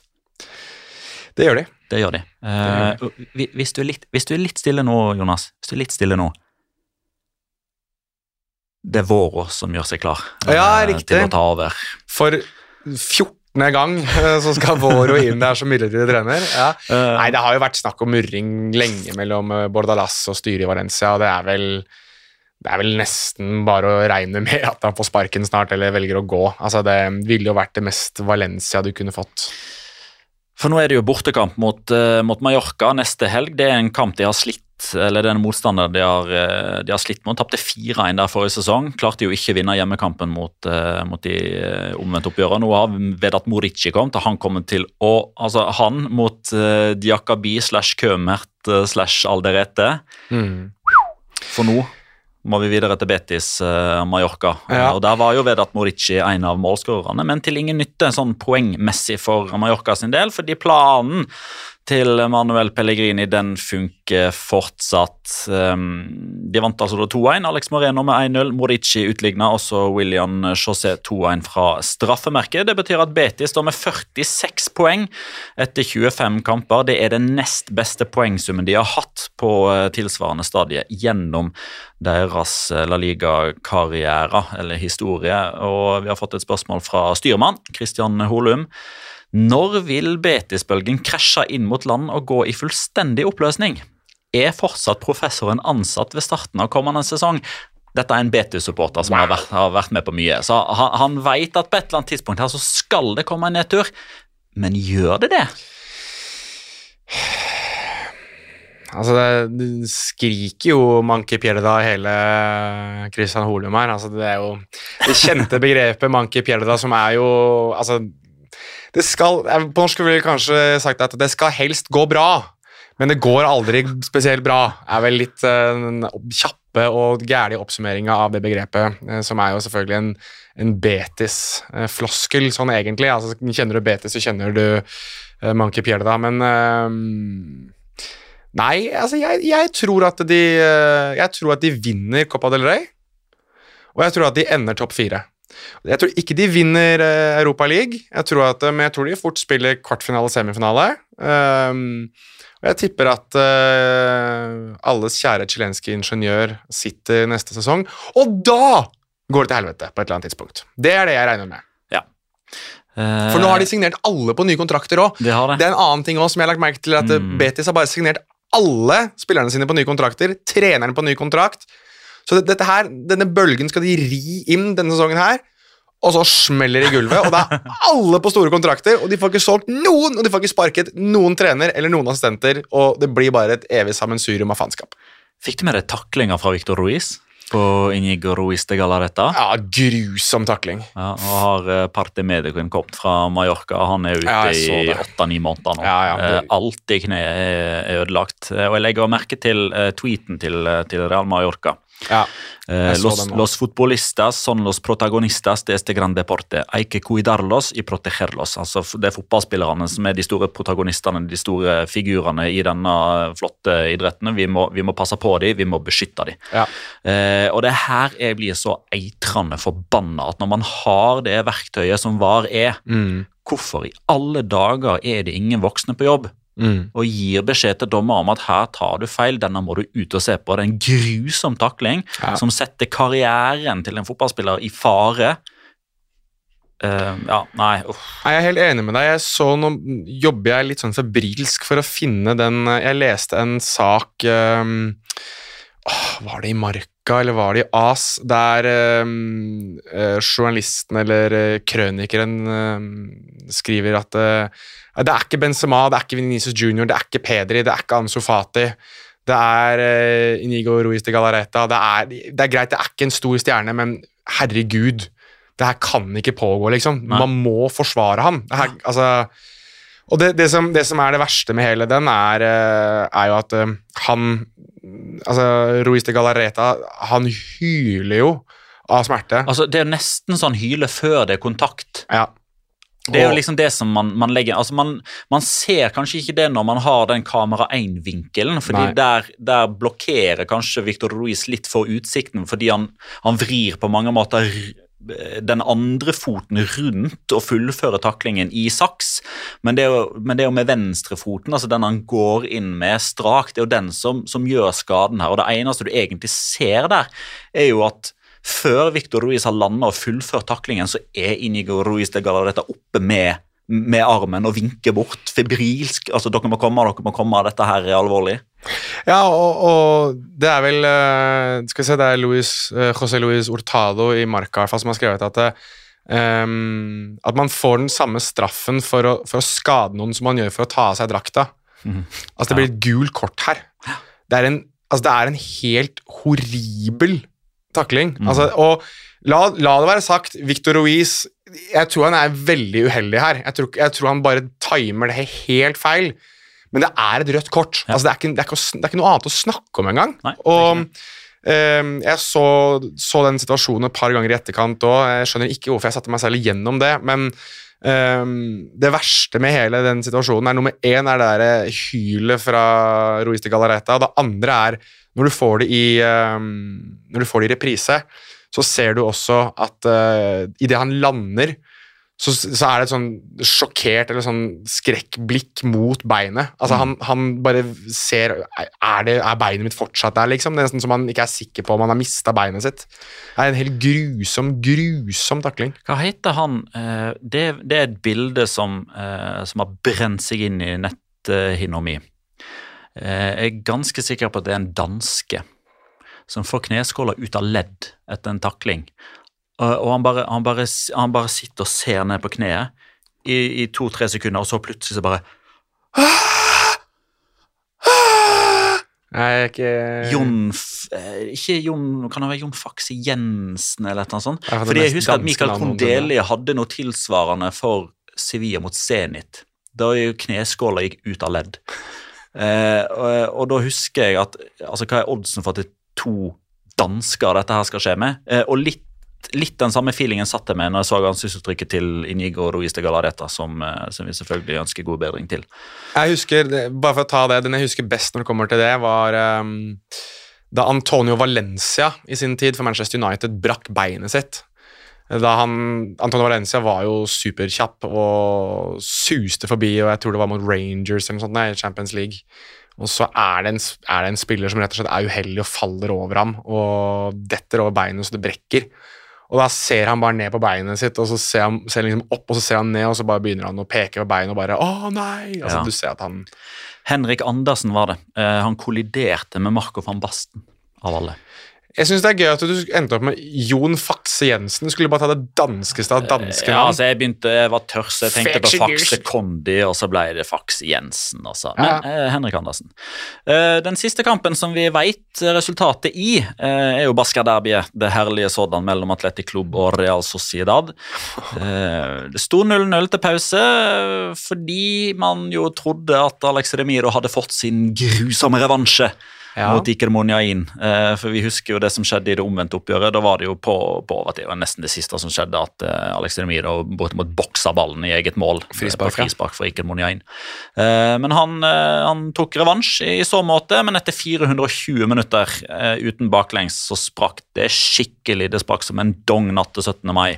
Dani Vivian, Oyhan Sanset, Injaki Williams og Iker eh, Moniaino. Altså eh, ja, jeg skrev det på, på Twitter i går. Det var, liksom, det, det var, liksom, ikke for å ta Alexander Sørloth, eh, men Gustavo Lopez han var, han var, veldig kritisk til den jobben som ikke ble gjort eh, på 2-0. Han var for så vidt kritisk til hele det altså, utover den andre gangen, og det var på mange måter poenget mitt litt. at Hvordan er det mulig å prestere så lite i et baskerderby som på et tidspunkt står 0-0 eh, fram til det er spilt nesten en time? Altså, jeg, jeg skjønner ikke at det er mulig. Snakker du for uh, Sørloth sin del nå? eller snakker du sånn Nei, generelt? nå snakker jeg generelt for Real Sociedad sin del. Altså, Sørloth var ikke dårligere enn en de andre, det var det ikke. Men eh, Gustavo Lopez, som jo er ekspertkommentator på, på Movistar, har 300 kamper i, i, La Liga for Celta Vigo og Real Saragossa.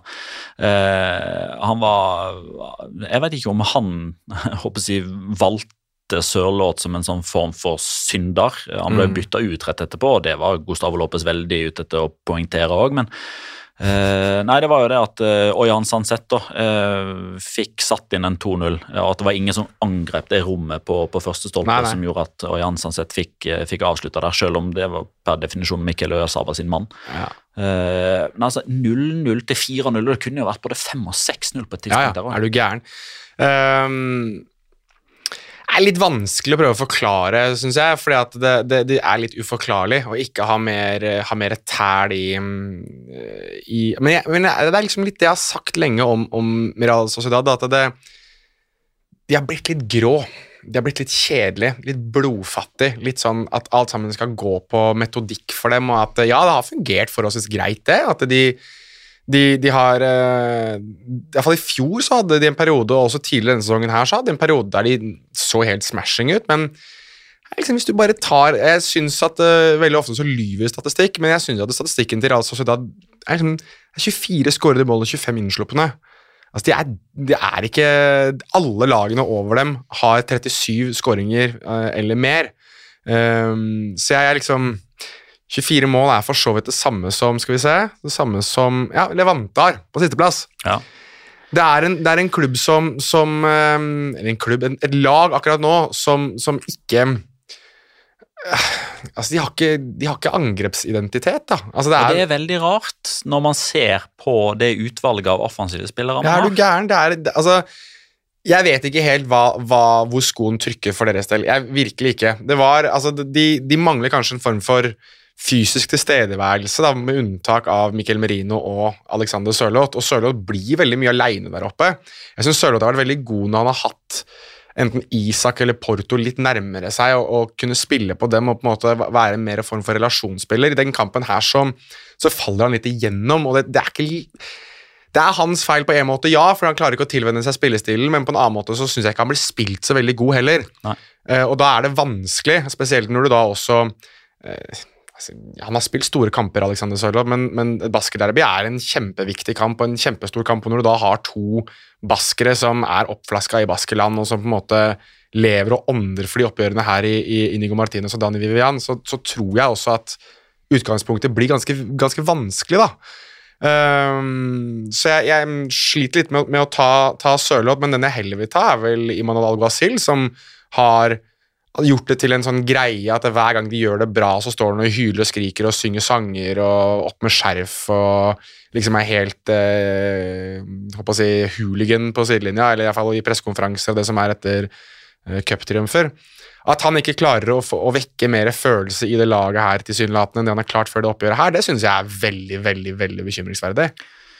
Og Det gjør jo da at eh, Atletic Club bare er poenget bak eh, Real Sociedad, som riktignok har én kamp mindre spilt. Ehm, og da tenker jeg det er jo eh, snart på tide å, rette fokuset kjapt mot det som, som kommer. Fordi denne uka her, den er saftig. Den er veldig saftig. Skal du bare la Ojan Sandseth bare forbigå i stillhet, eller? Nei, for han er min rundens spiller. Aha, ok, mm. men da skal du få til det. Ehm, Så eh, det starter jo allerede i kveld. Eh, For oss pasienter så er det jo Celta Vigo mot eh, Levante. Eh, Den skal vi jo selvfølgelig se. Eh, Ja. Og eh, tirsdag kveld Villarreal mot Juventus. Onsdag kveld så er det Atletico Madrid mot Manchester United. Og så på torsdagen så er det jo de fire spanske europaligalagene som skal i aksjon. Sevilla reiser til Kroatia og Zagreb med 3-1 eh, å, eh, å spille på i den første kampen. Eh, Napoli-Barcelona 1-1 i første oppgjør der. Eh, Real Betis skal forsvare en 3-2-ledelse mot Zenit. Og så vil jeg bare da eh, informere om at Real Sociedad møtte RB Leipzig på torsdag. Og Da har du altså et Real Sociedad-mannskap som tapte 4-0 mot Atletic Klubb, mot et Leipzig-lag som slo Hertha Berlin med 6-1. Ja. Så vi ønsker masse lykke til. Ja, jeg, um, altså jeg skjønner at jeg har vært veldig kritisk til Real Sociedad denne sesongen, her, men jeg, jeg, jeg kan liksom ikke påpeke én Lareal-kamp jeg har sett som jeg var sånn Åh, der var de, der var de skikkelig gode, ass. Der, var de, der viste de meg noe de ikke har vist meg før. Det er liksom Det er grått, altså. Det er kanskje den åttedelsfinalen i Copa del Rey mot Atletico Madrid. Men samtidig så var Atletico Madrid Da var Atletico Var Madrid inne i litt sånn Ja. sånn, så det, Der var det òg litt sånn begrensa hvor mye vi kunne legge på Real Sociedad sin si, positive konto. Nei, men jeg, nei, jeg er helt enig. Uh, Se startoppstillingen deres den, den kampen her, da. Altså Greit, de mangler Alexander Isak. Fair enough. og Janusai. Ja, jeg liker Porto bedre enn Janosai, men, okay. Ja. men, men det er smak og behag. Mm. Men det er altså Alex Remiro, Ayen Munoz Ja, det er ikke førstevalg. Nei, Diego Rico kunne ha tatt den. Robin Lenormand og Iger Sobelia. Ja. Og så er det altså Elostondo, kanskje, som Ja, eh, Elostondo skal vel da per definisjon I en topp 11 så skal vel han innenfor Sobelia. ja, Andoni Gorazabel. Ja, 50-50 om det er han eller Saldoa. Nettopp. Ja. Midtbanen Mikkel Merino og Martin Subimendi. Mm. Jeg vil si at det er det beste de har jeg, akkurat nå. Ja. Uh, Mikkel Orazabal, den beste spilleren, punktum finale. Mm. David Silva, den nest beste spilleren, punktum finale. Mm. Porto, som vi nå ble enige om at det smaker behag, han eller Adnan Janusai. Mm. Og så er det Alexander Sørloth på topp. Greit, Alexander Isak er først. og. Jeg sa jeg sa jo Orazabal først. Ok. Beste spilleren, og så David David ja, Silva. jeg, jeg trodde du poengterte at det var Mikkel Merino. Jeg skal jeg sa det. Ja, I så fall Mikkel Orazabal. Ja, Um. Uansett, dette her er så å si toppa, da. Mm. Eh, og veldig mange av de jeg nevner, skal vi se 1, 2, 3, 4, 5, 6, 7, vel? Om ikke 8 er baskere? Hvis ikke bommer helt her nå. Sju åt- 20 baskere, og så Lenormand er vel sånn halvveis. Ja, det var han jeg var litt usikker på. Ja. Ja. Uansett, da, det, er, det skal ikke mangle på feeling her. Nei, nei, nei, det skal jo ikke det. det, Så ikke. det, ene, det eneste jeg likte fra Real Sociedad og Imanol Al-Ghazil i den kampen, her er at når de skjønner at slaget er tapt, eh, så er det tre B-lagsspillere som kommer inn. Det er Ander Martin, det er Nice Juahra og det er Jul- eh, Julen Lobete. Da er det bare ok, greit. Denne kampen har vi tapt. Da kjører vi full eh, basker-runk. ja, kan jeg få lov til å En ting jeg syns de burde bare ha gjort, som jeg syns er alltid gøy når, når sånne ting som det her skjer, Ja. Begynn med gristaklingene. Bare bank inn noen gristaklinger. Bare sånn, ikke, ikke sånn bakfra og opp på leggen, sånn skad noe med vilje, men Tråkka litt på tærne. Ja, Ja, kjør en ordentlig skulder inn i noen reklameskilt og litt sånn. Bare lag litt faenskap. Det er, da er du Det er det jeg gleder meg til. Du var inne på det som kommer denne uka her nå. Mm. El Grand Derby skal jo spilles. Ja. Eh, så håper jeg at de slipper at noen kaster eh, sånne der, eh, spanskrør fra tribunen, og heller at vi får noen ordentlige hockeytaklinger når det blir litt hett utpå der. Ja. To siste innspill fra lytterne våre. Der skal jeg være veldig kjapp. Torbjørn Eriksen, at Teletubby. Mye nordmenn i Italia og Frankrike med OK suksess for tida. Sørloth har vel ikke slått helt an. Er det håp om å se flere norske i spansk fotball? Svaret er nei, fram til Vadim Demidov begynner å jobbe ordentlig. Christian Christian Hauboff, ett C Hauboff. Eh, hva kan vi forvente om Sevilla-derbyet kommende helg? Kan dere snakke litt om hva derbyet betyr for folket i Sevilla? Eh, nei, det rekker vi dessverre ikke. Eh, Men eh, du skal ikke se bort fra at det kommer en La Charla slash bonuspodkast. Det spørs litt på hvordan eh, uka ser ut for de øvrige deltakerne. Men eh, det må i alle fall oppsummeres, det som har skjedd på tirsdag, onsdag og torsdag. Det lover jeg at jeg skal gjøre, eh, og så får vi se om vi kanskje kan tatt litt eh, Sevilla-derby. For da er man òg litt mer sikre på hvem som er med og hvem som ikke er med, for da har man jo spilt Europa League osv. Og så er det veldig mulig at det skal følge litt med på Dagbladet sine sider, eventuelt hvis du er glad i papiravis. Det må man òg, definitivt. For der kan det være at det kommer noe om den kampen? Absolutt, det anbefaler vi. Eh, og eh, vi skal eh, naturligvis ta med kjapt de tre faste pilarene. Vi har jo selvfølgelig gått langt over tid allerede, Jonas. Ja, men det er det meg. Eh, kjapt, da. Runden spiller. Eh, da sa jo jeg hvem jeg hadde. Hvem er din? Eh, og Er det én eller to? Ja, nei eh, jeg jeg, Dette er den gangen jeg syns det er litt trist at ikke Magnar er her. Eller den gangen. Hver gang er trist at ikke Magnar er her. Men virkelig, denne gangen her er det kjipt, fordi at her er det tre som er veldig sånn Som kunne vært på førsteplass. Ja, det er jo uh, han jeg har valgt. Også de to som skårer hat trick, kanskje? Ja, ja, det er helt riktig. For jeg har en av de som skåret hat trick. Hvem da? Han som mente å skåre hat trick, og det okay. var eh, Arnauta Njuma. Riktig. Uh, jeg, vil, jeg skal ikke bruke så lang tid på det, men, jeg, men den, det er vel andre skåringa hans, vel. Når han rykker forbi Rykker, rykker forbi start, holdt jeg på å si. Rykker forbi eh, keeper litt sånn eh, R9, eh, Ronaldo Fenomeno-variant der, og legger den i åpen bur. Det er sånn som jeg syns er elegant. Jeg elsker Elsker angrepsspillere som alene med keeper tør å ta det ene touchet rundt keeper istedenfor å avslutte sånn heseblesende som f.eks. Josef N. Nesiri gjorde. Han ble riktignok avvinket for offside, men hadde han tatt bare et steg ut, så har du et åpent bur å sikte på, og det gjorde Danjuma, og det er mm, yeah! Og to straffespark i tillegg, Ja eh, så da ble det hat trick. Hans første i spansk eh, fotball. Men allikevel eh, Ja, det er, det er vel kanskje det at to av de tre målene er straffe som gjør at han ikke bare er klink nummer én. Eh, og så er det litt anledningen her òg. Ja. Eh, Ojan Sanset som kommer inn på stillinga 0-0. Eh, og jeg synes det er et ganske fint bilde på Atletic før og etter. Hva som har vært og hva som forhåpentligvis er i ferd med å komme. Fordi vi har jo vært kritiske til Atletic Klubb, måten de spiller fotball på. Det er litt småkjedelig. Det er klink tiendeplass på tabellen, det er målfattig osv. Ja. uh, og så har Raúl Garcia sparka, slått og duellert fra seg en drøy time. Han har mørna Robin Lenormand litt, grann, og så kommer Jens Hansette inn og skummer fløten. Uh, og han er jo han, Hvis jeg ikke husker helt feil, så er han involvert i den første skåringa i, i, i form av å framprovosere hjørnesparket, som ender med 1-0 ved Danny Vivian. 2-0 skårer han jo sjøl eh, ved å sette inn et hjørnespark fra Iker eh, Munyain. Han er jo òg med i angrepet som fører til 3-0, og han er nest sist på 4-0. Eh, så det er litt sånn eh, Når du har en så stor impact på en så stor kamp, eh, og er liksom på sett og vis involvert i alle fire av skåringene, så syns jeg man fortjener førsteplassen. Det er noe vi kan ta veldig kjapt, siden eh, vi skjønner at det, det er ikke alle som abonnerer på Patreon vår. Det syns jeg alle egentlig burde, men det er for de som ikke har lyst til å betale 50 kroner for La Charla, så kan vi jo ta veldig kjapt, Petter. De tre største derbyene i, i Spania, eller de, altså hatkampene i Spania, hva, hva er én, hva er to, hva er tre for deg?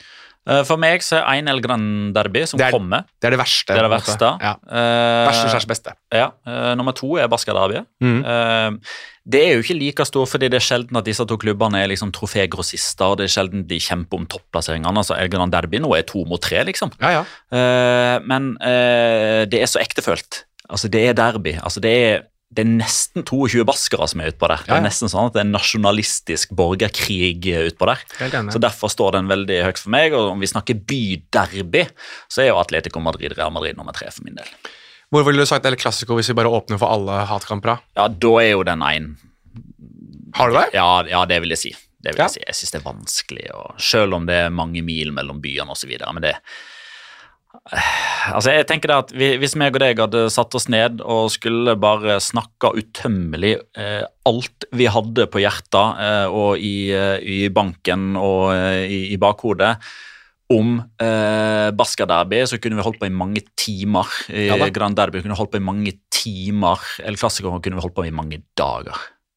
Det er nok riktig. Jeg har, jeg, men jeg får jeg litt kjerringa mot strømmen. Ja, da. jeg setter El Grand Derby som én og El Clasico som to. Ja, ikke, ikke, akkurat i, per februar 2022 så skjønner jeg litt hvor du vil hen, fordi Å, man ja. upper gamet ja, ja. ja. i 2022 med tanke på at Real Betis og Sevilla faktisk er gode på samme tidspunkt. Spoler, du, spoler du klokka ti år tilbake i tid, Mm. så Vel. Nå, men, eh, nå, nå tenker jeg jo altså Denne rangeringa er liksom den generelle rangeringa i, i mitt hode, da.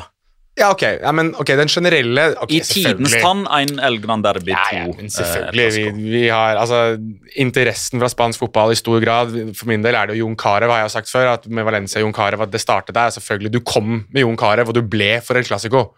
Sånn var Ja. det bare. Så El Clásico 1 og El Gran Derby 2, og så Eh, ja, Basker Derby 3. Det der. Men nå er det tid for Locora.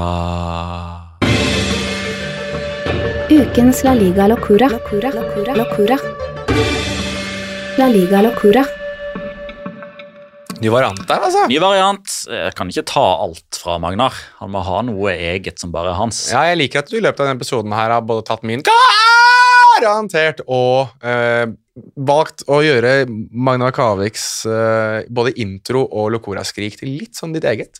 Veldig bra, Petter. Eh, skal du begynne, eller skal jeg begynne? Jeg kan ta min veldig kjapt, for det er en veldig liten en. Jeg vurderte, vurderte jo hele den der eh, Kalibalik-situasjonen i kampen mellom eh, Mallorca og Villarreal, men um, For så vidt også Fali, som fikk ballen skutt rett i trynet av Arambari. Men jeg ender på den tingen i fotball som jeg sliter mest med å se på. Uh, og det, det Altså sånn skademessig, da, selvfølgelig. Nå var vi jo inne på en helt grusom, uh, grusom skade litt, uh, litt tidligere, som er også vanskelig å se på, men uh, med Ruiz de Galaretta, selvfølgelig. Men det vondeste som mann er å se på når Alex Moreno spiller seg fri ute på venstresida, og Paulo Maffeo skal sette ut beinet sitt for å blokkere et innlegg. Innlegget til Alex Moreno går litt mer sentralt enn Paula Mafia hadde likt, og treffer han direkte i eh, kronjuvelene. Og, og, og det er liksom Paula Mafia blir nummer én, han blir liggende, og når han reiser seg opp igjen, så, så må han kjøre et par knebøy og løfte opp på beina sine, for det altså, det, Magnar har jo verdens beste eh, beskrivelse på dette, som han tok på TV, om hvordan du kjenner altså det gjør vondt oppi magen, og at du kjenner helt opp i halsen når du da får ballen sparket direkte i, i ballefar. Eh, og det skjedde i det oppgjøret her, og alle mannfolk som ser det skje på, i en fotballkamp, kjenner det kiler lite grann på pungen. I negativ forstand. I negativ forstand. Eh, min locora er mm, Vi skal tilbake igjen til Baska-derbyet. Eh, og det som skjedde rett før kamp. Eh, fordi du vet at jeg er over gjennomsnitt eh, interessert i sånne kuriøse og sånne fakta. og litt sånn At eh, det skjedde sist den gang da, og, og så videre. Eh, men det var jo ett minutts stillhet før Baska-derbyet. Ja. Det var eh, til minne om eh, Han ble jo bare kalt i sin tid og i ettertid. eh, han ble jo bare kalt for Maori. Mm, mm. Eh, men han har jo, for det første så har han jo et av de mest baskiske navnene jeg har hørt noensinne. Mauricio Ugartemendia Lausirica. Da har du både Z-en, X-en og Mendia. Eh, men, men det som gjør det litt sånn locora, da, eh, og som gjør at jeg tenker at ok, greit, det var kanskje en mening bak det Forrige gang Atletic Klubb vant 4-0 mot Real Sociedad, altså forrige gang sluttresultatet var akkurat det samme som det var på San Mames i går. Ja. Atletic Club Real Sociedad 4-0. Det var 4. oktober 1959. Den kampen spilte godeste Mauri. Han døde på fredag. To dager etterpå så spilles kampen, og Atletic Club vinner 4-0. Da er det ett land som går kaldt nedover ryggen min. Ja, nei, men den ser jeg. Det er, eh, det er noe sånn holdt på å si sånn Bella Gutman-forbannelse osv. Eh, så da eh, Hva er det som gjenstår da? Tipping. Eh, tipping. Eh, da må jeg finne telefonen min, fordi Magnar han, han er jo på jobb, selv om han ikke er på jobb akkurat nå. Um, han Driver med flytting, han, da? Ja, driver med flytting. Eh, det må jo være lov så lenge det ikke blir flytting hver helg. Eller Eh, mandag, si. ja, eh, resultatet av denne helgas tipping det var jo Baska-derby vi tippa på. Det var selvfølgelig ingen som hadde 4-0. Det var selvfølgelig ingen som hadde Danny Vivian heller. Nei. Men eh, både du og Magna hadde jo at Atletic skulle vinne, så Ja. dere fikk hvert sitt poeng. Sa 0-0. Eh, jeg misforsto, jeg trodde det var pauseresultatet vi skulle ha. Ja, riktig. Og blir premiert med null poeng. Magna leder med 24 poeng, jeg har 16 og du har 14, Jonas. Eh, og Magnar han begynner jo, eh, og fra ett derby til et annet.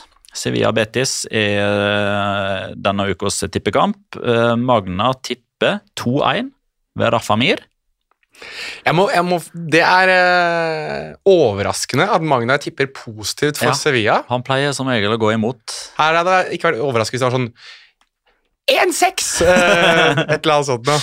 Eh, og så er det min tur, og jeg følger min eh, vanlige eh, teori. 1-1, 2-2. Om at her spenner de bein på hverandre, Ja, og. Real Madrid ler hele veien til banken. Jo, jo. Eh, det blir litt for mange kort i denne kampen til at det blir fire mål, eh, så det blir 1-1. Eh, og første mål målskårer eh, altså Nå spiller jo ikke Jules Condé, og så spiller sannsynligvis ikke Martial. Og så er Lucas Ocampo suspendert, og Juanmi er suspendert, så da blir det vel Nabil Fikir, da. Ja, tok du målskåreren min, da, men du tok resultatet mitt. For jeg eh, Jeg tror at uh, ingeniøren Dette her er det virkelige coming out-partyet til Betis. Her vinner de 1-3. Ehm, og altså, Juanmi suspendert. Du har tatt Fikir. Uh, unnskyld, jeg skulle egentlig sagt Fekir og så korrigert meg til Fikir, for det er blitt en sånn vanlig greie jeg gjør. Um, åh, vanskelig. Uh, Borja Iglesias. Borja Iglesias. Det blir panda-stemning på eh, Ramón Sánchez Pizjuan. Dinosaurer og pandaer. Og så en siste shout til våre kjære patrions. Ja. Eh, Forrige uke så var det jo Atletico Madrid sine Bantoleros som fikk passet påskrevet. Denne uka så er det Rayo Vallecano. Den er ganske sylfersk, har ligget ute i noen timer eh, allerede. Den ligger på patrion.com slash la liga Der kan man bli eh, do, donør. Don, Patron. donor. Patron. Du kan bli patron. ja, du kan bli patron. Patrion. Patrion. Ja. Eh, for eh, den eh, Ja, skal vi skal vi sammenligne det med, da? Nette sum. For den nette sum av eh, to Hubba Bubba bakker. De ligger vel på 25 kroner stykket de nå, gjør ikke de det? Ja. Med inflasjon og verdiøkning og alt dette her. Ja, nei, det Veldig billig! Jeg prøvde å tenke på, jeg å tenke på en fotballspiller som koster 500 millioner kroner. Eh, hvor mange du kunne kjøpt av oh, ja. han, f.eks. Eh, Ja. Istedenfor å kjøpe et eh, Eller med et Patrion-abonnement. Eh, kommer for øvrig kan si også at det, det jobbes allerede med neste ukes eh, Bantolero-lag. Mhm. Uh, lite hint om det. Uh, bare drit. Er så mye drit. Ja. Snakker vi en eh, kjederøykende portugiser på høyre bekken, Det f.eks.? er eh, veldig sannsynlig. Mister, kon mister Continental i mål. Ja. Eh, de som veit, veit da hva dette laget er. en argentinsk pølse på midtbanen. Uh, argentinsk pølse. Helt riktig. Eh, og Senere i uka så kommer det som sagt enten en lachala eller bonus. Vi får se hva slags format det kommer i. Eh, og så er vi uansett tilbake igjen om eh, ei uke med en vanlig, ordinær eh, episode. Jeg glemte i begynnelsen å si hva for en ordinær episode i, eh, i rekka eh, dette her er. Er det 196 vi er på? Det er vel 196, tror jeg. ja. Det betyr at vi snart er på 200. Skjer det noe spesielt da? Ja, det burde jo det, altså. Det burde det. Ja, det burde Men eh, kan, ikke, kan ikke vi si det sånn, da? At uh, våre lyttere kan komme med forslag til hva skal vi gjøre i forbindelse med episode 200? Ja. De har en måned på seg da til å komme med noen uh, frekke forslag. Um, men ja, jeg har tenkt mye på det. 200. Det er i i hvert fall 150 mer enn jeg trodde vi skulle klare. For dette er jo da altså det 196, og så er det 197 etter den, og så er det 198 etter den 199 Ja, det er faktisk etter El Clásico. Oi! Så der eh, Den traff vi på. Men det var jo meninga når vi starta opp Ja, i september 2017. Det var jo det vi sa.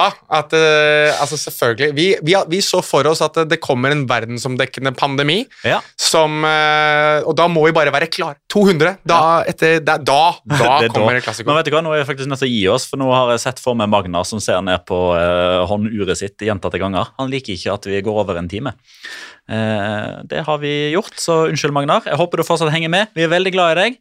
Jeg vil si bare en ting. Jeg, jeg bare ser for meg Magnar eh, få notification på at episoden er klar, og så ser han at episoden varer i ja, 100, og- nesten 100, eller eh, hva blir det for noe, 90 minutter. Altså en Ja. hel fotballkamp. Ja. Eh, og bare øh.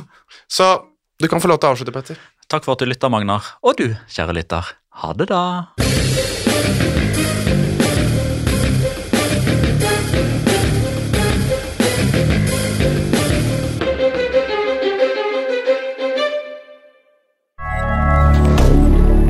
Moderne media. Har du et enkeltpersonforetak eller en liten bedrift? Da er du sikkert lei av å høre meg snakke om hvor enkelt det er med kvitteringer og bilag i fiken, så vi eh, gir oss her, vi. Fordi vi liker enkelt. Fiken superenkelt regnskap.